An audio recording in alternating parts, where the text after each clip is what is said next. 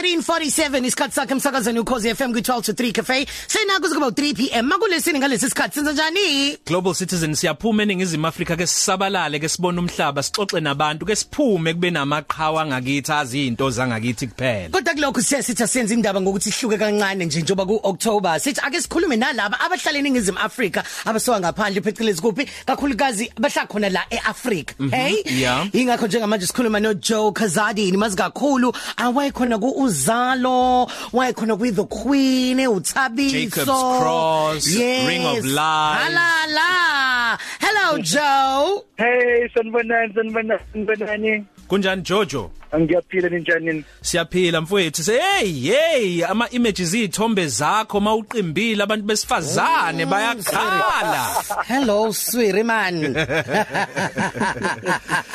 Nangesonto elidlule mfethu sasixoxa nomfowethu Amando naye eh, ngokuzalo wase DRC ayaziwa ngeZaire awukusitsheleke nawe njengoba isi Democratic Republic of Congo. Owakhona ungakhona kuphi nendawo? Kanti ufike nini eningizimu Afrika? Uh so basically mina ngose uh Lumbashi it's a small town ngase the east of e, e Republic Democratic of Congo. Mm. e, e South Africa uh about maybe in Sedna 8 years manje eh ngifike ngahlala eThekwini ePoint eSouth Beach. Okay. e South Beach ePoint. Yes. Yeah that, that's where I arrived so yeah. Kukhona la kwesinye isikhathi uko wahlala khona emgaqweni khona la ngifunde khona ukuthi uko wahlala khona emgaqweni. Kuyiqiniso lingakanani lelo? Yeah no no no vele eqiniso because um ngahlala emgaqweni when I came to Joburg bengifuna ukuba iactor. Ehhe. and uh, umndeni was not that supportive. Bengabona bengafuna ukungisupport nephupho lami ukuthi ngizoba iactor. So um I had to prove them wrong ukuthi I can become an actor and I'll make my dream come true. Um- uma uma ufika uhlala ePoint ma- eThekwini noma uzohlala eHillbrow e- eGoli asinga asingabalekeli lokho ukuthi kuba naleyo nto yokuthi umbandakanya kethi ngandlela thizeni njengomuntu wokufika ezintweni ezingekho emthethweni. Wawuqhelelanisa kanjani nawe lokho uthi cha bakwethu anginjalo kubantu abakwaziyo nabakujwayele? Um so basically yabo uma uma- ama situation enjalo you one has to kind of prove a point and just khombisa abantu ukuthi I'm here for the right reasons and I'm not here to do the wrong things. Ngize umsebenzi and ngifuna umsebenzi. This is what I'm here for you know? And uh, stick to your story. So that's exactly what I did. Mm, attend ama audition nama casting and then nami ngaphumelela.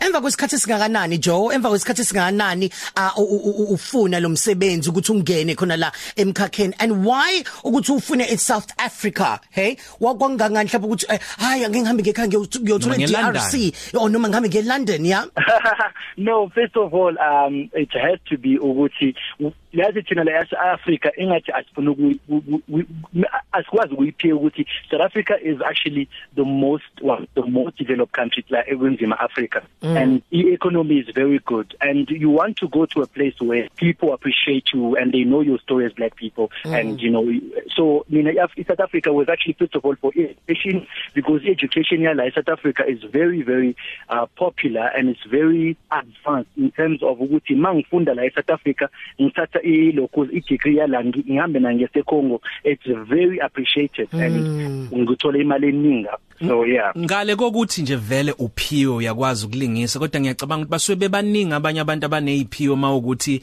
niya kwinhlolo khona ama auditions mhlawumbe umdlalo omthi othili production ethile eziphi izinto wena othi nazi mina ngizongena ngaze ezama strength akho ngiyabona ukujima umuntu ojimile umzimba wakho uyabukeka so mhlawumbe lokho kungaba sorry. istrength kodwa futhi okunye isizulu sakho sihle Joe awu- awu- awukhulumisi ngingathi mina uqhamuka egoli kunokuthi ngithi uphume eDRC yeah. Yeah, so um basically yabonga lesikhathi engafika la eSouth Africa what I did was that nga associate myself with only South African. They had something to teach me yeah. rather than ukuthi ngihlale nabantu baphuma eCongo.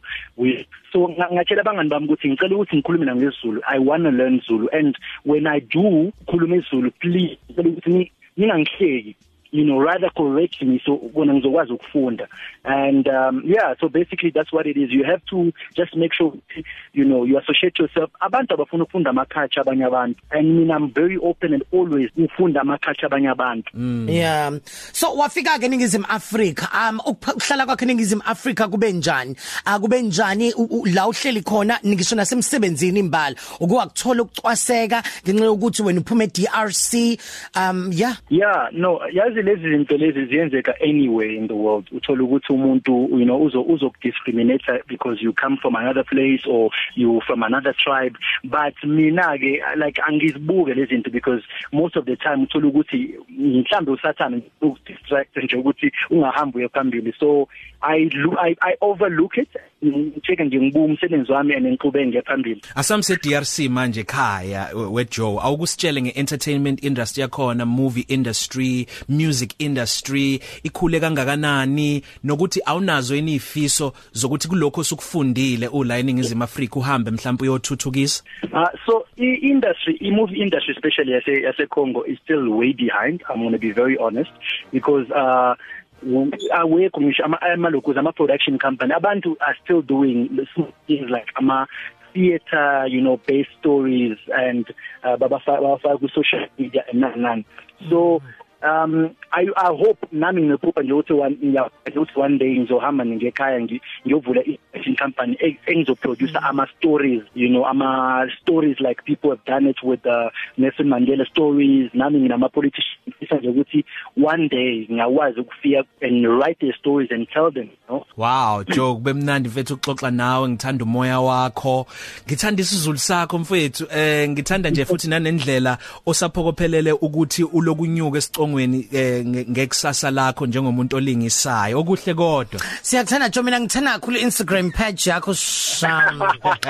Sweetie my baby. thank you so much Bye bye Joe. bye siyabonga kakhulu Joe uJoke simvalelisa ngayo ingoma yesizwe yakhona lapha eDemocratic Republic of Congo Coffee Cafe. Ilunch yakho ayifani neyizolo.